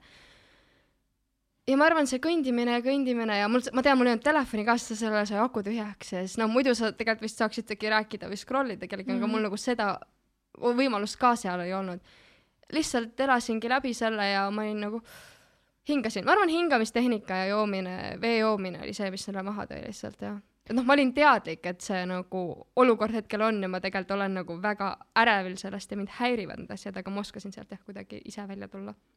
minu arust üks mehhanism, mis on väga alahinnatud, on tegelikult ka lihtsalt nutmine ja ei, ma räägin, mul pisarad voolasid samuti. ma mõtlen, et sa mainisid seda onju, et mhm. tegelikult see on ka täpselt samamoodi nagu ta rahustab mingil määral, sest sa saad välja kõik selle mm -hmm. endast, onju, et siis pärast seda on nii palju parem tunne tegelikult ja ma tean nüüd, mis ma Jasminile kingin. Selfikud jah no.? AirTagid ah. oh! sa näed täpselt ära, kus su kohver on ja ükski Istanbuli vend ei saa sulle öelda, ma ei tea, kus see kohver on, vaata, see on siin see on tõesti vajalik. teine oskus, mis mul on, on asjade ärapanemine kukkumine ja asjade ärapanemine, kui no mu lähedased see kindlas see koht jah see on seal kindlas kohas ja hetkel mul on äh, kell kadunud päriselt ka, ma ei tea, kus on. no vaata, oleks sul Apple Watch, siis võiks ringima, ringima panna. no just. pead ikka tulema siin õuna ökosüsteemi peal ära, siis on kõik hästi. aga äh, kui siin ei olnud mingid konkreetsed teemad, kuhu sa edasi tahtsid minna, siis üks asi, millest me väga ei ole rääkinud, on siis äh, keskkond mm. -hmm. ja me teame alati motospordi puhul, et see on teema. kuidas sina sellesse suhtud? ma arvan, et see on suhteliselt äh, poolik arusaam, võib-olla motosport ja keskkond. et meil on nagu väga palju positiivset kõike, esiteks rääkides meil MM-sarjast äh,, mina olen äh, siis äh, CO2, mis siis eesti keeles on äh, süsihappegaasi mm, -hmm. neutraalne sõitja.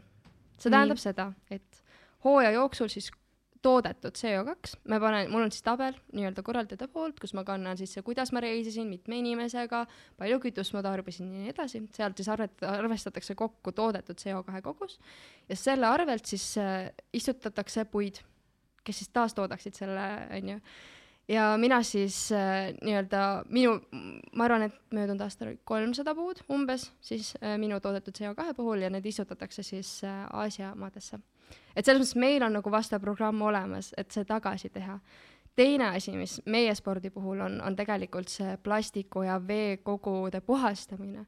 ka Pärnus, kus me siis äh, treenime, kui ma treenin Eestis, me korrastame ja hoiame seda vett, veekogu nagu nii puhtana. kui seal meid ei oleks, siis seal oleks täiesti kõik kinni kasvanud, ma arvan, seda sodi oleks palju rohkem sama ka muude spot-, motospordialadega, et ma arvan, tegelikult see looduse hoidmine, jah, see tundub, et see süsihappegaas, heitgaasid ja müra, et see on nii palju, aga tegelikult seda loodust hoitakse seal kõrval ka nii palju ja need äh, ei ole ainult see, et on väga kahjulik, on ju. kas see CO2 neutraalne on nii, et kõik sõitjad peavad olema või see on iga sõitja valik? ütlen, et enamus sõitjad on, ma ei tea, kas ta on kohustatud, aga ikkagi väga suur sõitjad, osa sõitjatest on. ja teine asi, mis on, siis on ka see vee ja plastiku mure, et äh, enne võistlussõite siis meil korraldajad äh, koristavad äh, vetes siis kogu sodi ära, sest me ei saa sõita, kui seal on sodi. rääkides Ühendemiraatidest, kus meil on siis Sharjah osariigis, osariigis? Ei ole, Ühendemiraadis, Sharjah emiraadis. On siis võistlused olnud ja enne igat sõitu tuleb seal kolm paaditäit plastikut. Oh.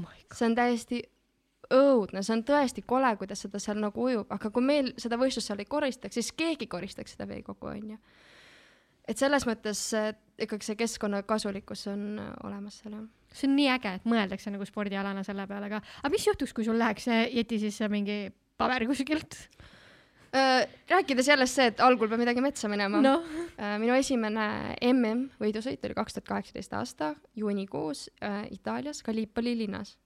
ta on vist linn, ma loodan. ja, ja esimene start äh, oli siis niimoodi, et läksime ja siis masin, noh ei liigu. ja siis hakkas liikuma, sõitsin sõidu ära, läks, olin stardis siis viimane, lõpetasin sõidu kuuendana, minu esimene MM-sõit üldse. siis tulime vee pealt ära ja siis oligi ilusti kilekoti tõmmanud vindi vahele. et no see on, no tore, jälle alustame niimoodi, et läheb metsa. kõigepealt esimene üldse välisvõistlus sõidetakse otsa, nüüd esimene MM on kilekott all, onju et äh, on, on, on juhtunud ja noh, siis ongi see, et mõnikord peadki katkestama, sest et äh, ei saagi sõita, onju. vau, ma üldse ei teadnud seda, aga it makes sense nagu. Ehm, ma tahtsin natuke selle pop-, ala populaarsuse kohta üldiselt küsida, et eh, kui palju üldse jälgijaid on sellel spordialal? selles mõttes äh, võib-olla on nagu Eestis seda keeruline tunnetada, seda hästi palju, palju näidatakse Araabia ja just sellises piirkonnas nii-öelda televisioonis, et see televisioonipildis nad on päris palju ta ikkagi on, oma kogukond on olemas, ma arvan. tegelikult ma arvan, et see on võib-olla isegi sama, mis äh, igal muul ekstreemspordi alal, ta on nišiala, aga seal on olemas kogukond, ma ei oska sul inimarvult öelda aga kui palju meil üldse Eestis sõitjaid on? ma arvan, kuskil saja ringis. ja, et nice. harrastajaid ja kes ka nii-öelda treeni ja võib-olla võistlustele ei jõua, et neid ikkagi on jah. ja naisi on, mis on vägev. ja me ei ole küsinud väga olulist küsimust. kui palju su jett maksab? seda on väga keeruline öelda. no ütleme, ma tahan ka hakata tegema sporti, palju ma pean nüüd raha kõrvale panema, et oma jett. no vot, see ongi nüüd, mida sa tahad, onju, et originaalkere võib-olla sa lähed poest ja saad, ma ei tea, kas on kaksteist tuhat äkki või? Casual. Onju, no aga, aga see on nagu iga motospordialaga, aga nüüd küsimus ongi see, mis sa tahad. noh, kui mina hakkan seda ehitama ja endale paika panema, siis see, see on ikka nagu tuntuvalt, tunduvalt suurem ja ma ei oska sulle ka summat öelda, sest ma ei tea, mis see summa on. aga see on iga nii-öelda, sama võime rääkida F1 või nendest autodest, et nendest summadest ei tea ka keegi midagi. lisaks, et see aeg, mis tegelikult sinna sisse läheb, et see on just, et ma arvan, et see aeg on tegelikult see palju väärtuslikum, et see ehitamise aeg on nagu meeletu, mis sa saad sinna panna. hästi paljudel jääbki aja taha, meil on omaette nali, miks naised on nii head jetispordis samuti või nagu meestega väga heal tasemel, ma arvan, et noh, aegu võrreldes sellest väga heal tasemel on see, et naistel on mehaanikud ja mehed, kes teevad. meessõitjad peavad ise tegema. Smart no Jaa., work smart not hard. Ja paljud on siis ka paarid, siis ongi niimoodi, et mees, kes tahaks nagu meesteklassiga sõita, peab naisele ka jetti tegema ja siis nagu no ma lihtsalt tahan sõidan ka, onju. nii äge. väga vinge. meil on terve hunnik fänniküsimusi, me peame neile ka sõna andma. ja, yes, yes, yes, I m on it, I m on it. oota, ma tead, ütlen sulle keskkonna teemal, mida inimesed võiksid uurida, on siis Meri algab siit projektiga, mis see on? Kus siis äh, koguti äh, või suitsukonisi, mis on väga suureks siis probleemiks Eestis, nii et äh, uurige selle kohta aa, see on see, mis oli nende mm Mhm. -hmm. aukude ümber oli see ja mm.. kindlasti uurige. Oota, aga kuidas sina sellega seotud oled? ma tean, kes sellega tegelevad ja minu jaoks väga oluline ikkagi teema ka Mhm. aga kuidas sa, kuidas sa selles ise kaasa, kaasa lõid? Ma samuti aitasin koristada ja korjata kokku, kui nad alustasid ja üldse see teavitustöö minu meelest on neil nagu väga tore olnud ja väga oluline teema, mida teada. väga lahe. ja, kirjutan kõigile sellistele asjadele alla. nii, okei, okei, okei. Annika tahab teada, lemmiksõitja peale sinu enda? ai no, no see on nüüd väga keeruline ja ma pean väga vaatama, mida ma nüüd ütlen siin. ja, ja vali-, lemmikusõbra valimine põhimõtteliselt käib siin praegu. no pigem on, pigem on oi,. oi-oi, no naistest ma ei saa valida. ma pean ikkagi meessõitjatest valima oma lemmiksõitja. ma jätan eestlased ka välja, sest et siis on nagu veel, veel safe im äh,. ma ütleks tegelikult stiili põhjal mulle siis meeldib äh, meie siis meeste siis möödunud aasta maailmameister, hispaanlane Nacho Armias. Miks ja? miks tema, no no kas me peame pilti guugeldama? sa võid pilti ka guugeldada aga tema sõidustiil ja mõtteviis ja see, mis ta on üldse elus läbi teinud, et see on väga inspireeriv ja mul on hea meel temaga nagu ka treenida koos ma võtan Karmeni küsimuse siia vahele. no mis on kõige lemmikum riik, koht, kus oled võistelnud ja miks hmm.? kõige mitte lemmikum oli Hiina. lihtsalt see kogemus, mis sealt tegelikult ikkagi on, et on ikkagi nii teine maailm ja eraldatud ja ta, see süsteem ja meil oli võistlus, oli niimoodi, et meil oli suur hotell, kus kõik sõitjad olid. me olime linnas, mis oli valmis ehitatud, aga ühtegi inimest ei olnud, see oli täielik tondilinn. ja siis võistluspaika, siis me olime võistluspaigal ja sinna toodi inimesed bussidega vaatama. et see oli täielik niisugune kord ja, ja ega süüa seal ka väga midagi ei olnud, neid kukepeasid vaatasid ja mõtlesin, no jah. aga lemmik oi, keeruline. kõigil on omad, oleneb inimestest, mis inimestega, kus sa oled, et Euroopas kõik ilusad kohad on väga-väga ilusad. too mõni välja. toidu poolest Portugal, võistlustingimuste poolest mulle meeldib Prantsusmaa, samas ka Itaalia on väga nõudlik. ja no siin see Põhjamaad on selles mõttes kogu aeg külm, aga noh, võistelda saab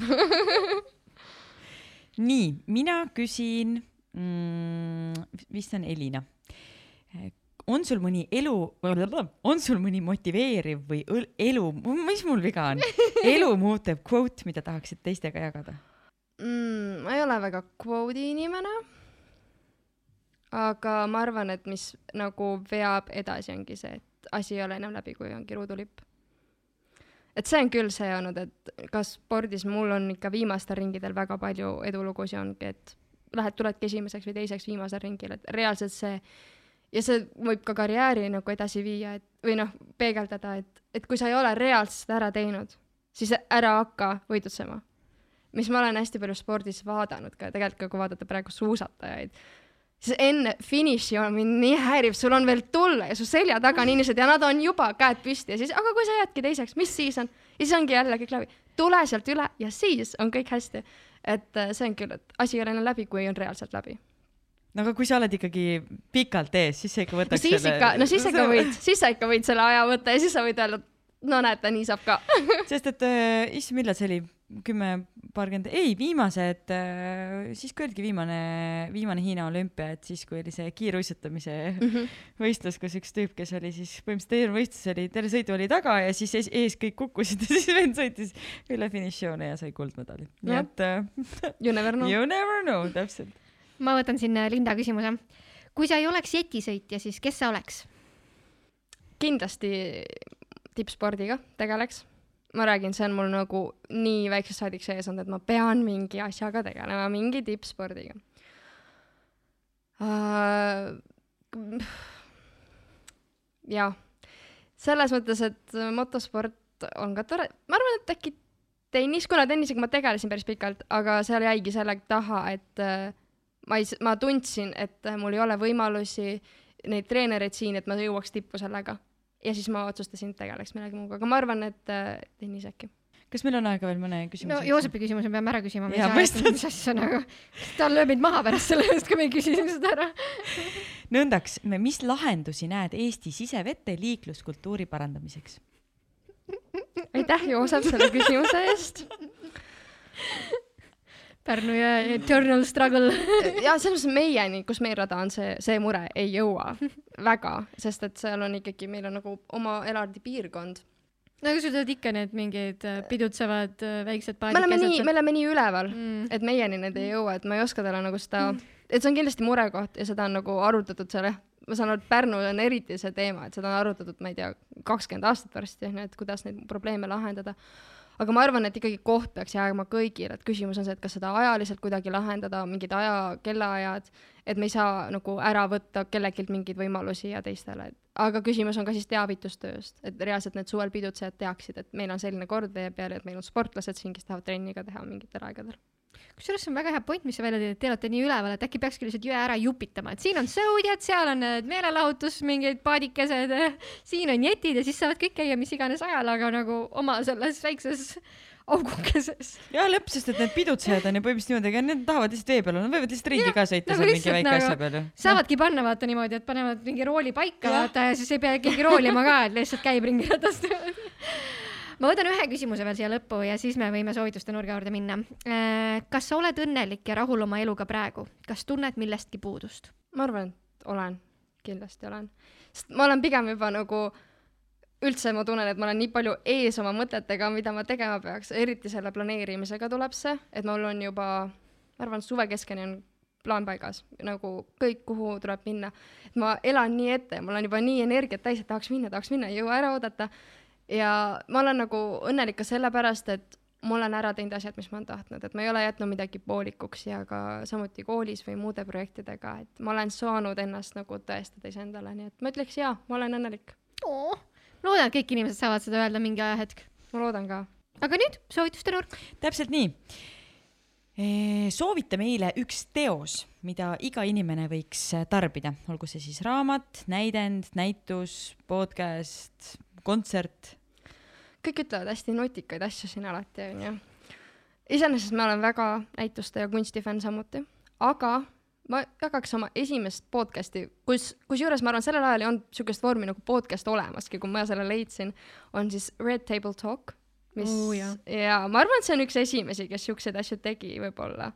mina ei tea, no see on? selles võtmes kindlasti. ja see on äh, siis äh, Jada Pinkett Smith, kes on siis Will Smithi naine mm -hmm. ja Mhm. tema Nüüd siis meelde., tema siis äh, nii-öelda jutusaade, aga ka podcast'i vormis, et minu meelest, kuidas Jada näeb elu ja arutleb selle üle, et see on nagu, ma arvan, ma olin ka kolmteist, kui ma selle leidsin üldse, et see kuidagi pani ka mõtlema ja arendama, et see on väga-väga hea kuulamine. Ja võib-olla see natukene annab ka aimu meile, eestlastele, mis ka USA pool toimub ja kuidas nemad üldse seda kultuuri näevad. sest mul on ikka väga palju USA tuttavaid tulnud, kes küsivad, et aga sa elad seal, mis osariigis sa seal Euroopas elad, noh. jaa, ma elan seal Eesti osariigis, on ju, et, et noh, nende see arusaam maailmast on tegelikult nii teine võrreldes meiega. ja eriti kui loogiline nende jaoks on mingi, sul ei olegi relva kodus või? jah. kuidas sa kaitsed ennast? sellega, et mul ei ole relva aga järgmine soovitus. üks oskus, mille iga inimene võiks ära õppida. ma arvan, see on samuti hea klassikaline ujumine Oh. aga sellest ei saa üle ja ümber. ma arvan, eriti nagu meile, eestlastele, kes tahavad ikka meres käia ka. ja igatepidi kasulik ka vormile, väga soovitan.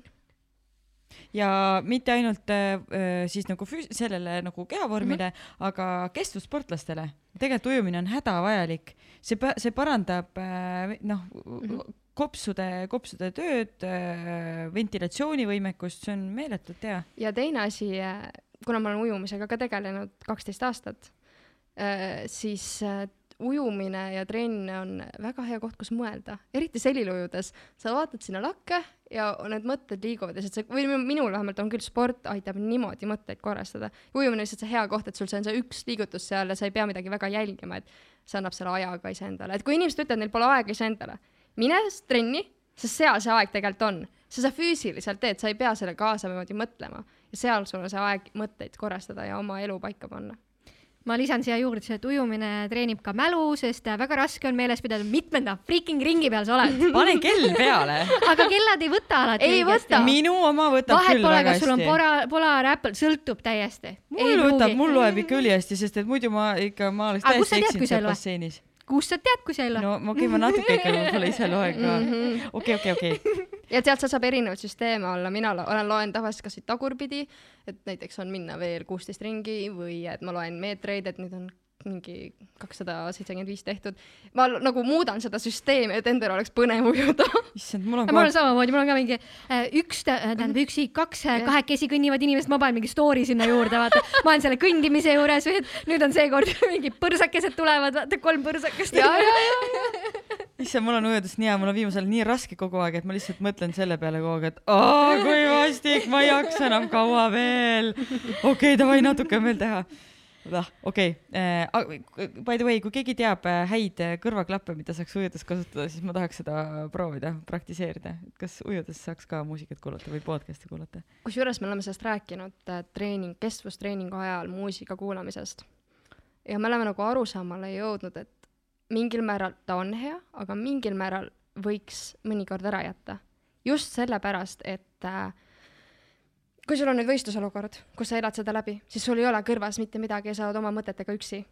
kui sa oled terve elu treeninud sellega, et sul on midagi kõrvas käib, on ju, see kuidagi hoiab sind, siis sa ei ole harjunud sellega, et sa nüüd üksi oma mõttes pead oma mõtteid äh, nagu hoidma, et tippsportlase vaates tegelikult võiks vaikuses treenida, et sa oskaksid enda keha tunnetada ja oma mõtteid mm -hmm. hoida mm. -hmm. see oli kõige hirmsam asi minu jaoks üldse, kui ma sain teada, et Ironmanil ei tohi kõrvaklappe olla, ma olin mingi mm. -hmm. kuidas ma selle üle elan aga kusjuures selle ujumise tegelikult jooksuga on samamoodi, et, et äh, mina, ma aeg-ajalt jooksen ilma Äh, aeg-ajalt äh, enam ma podcast'i ei kuula, sest ma tunnen, et ma ei saa keskenduda, aga mul on üks väga konkreetne playlist, mis ma tean, et see mul temposse mm. -hmm. ja kui mina tegin ujumistrenni, siis äh, kunagi ammu-ammu, siis meil oli selline nagu väikse, väike piiksuja, mille sa panid nagu mütsi alla ja siis ta hakkas sulle rütmi lugema.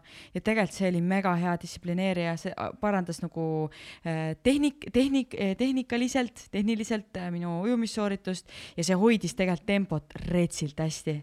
et nagu see, et sa tead nagu piiks mm, -hmm. piiks, mhm. piiks, piiks, ma tahaks lihtsalt, et seal oleks nagu muusika taga, et ma tean nagu tõmbad seal niimoodi, okei okay,. ja ma arvan, et see sõltubki, et kui sa teed tippsporti, siis jah, või nagu sa teed hobikorrasporti, siis mhm. kuula, mis soovid mhm. peaasi, et liigud. nii, ja viimane soovitus üks spordiala. ei! oli juba ära ju. ja oli ära, tead, vahetan, hetk. hetk, ma võtan hetke sult. võta uh,. üks hetk mida iga inimene peaks tundma, on hetk, kus sa saad aru, et sa oled hetkes. seda on võib-olla keeruline seletada, aga see on see hetk, kui sa saad aru, et sa oled õnnelik ja rahul.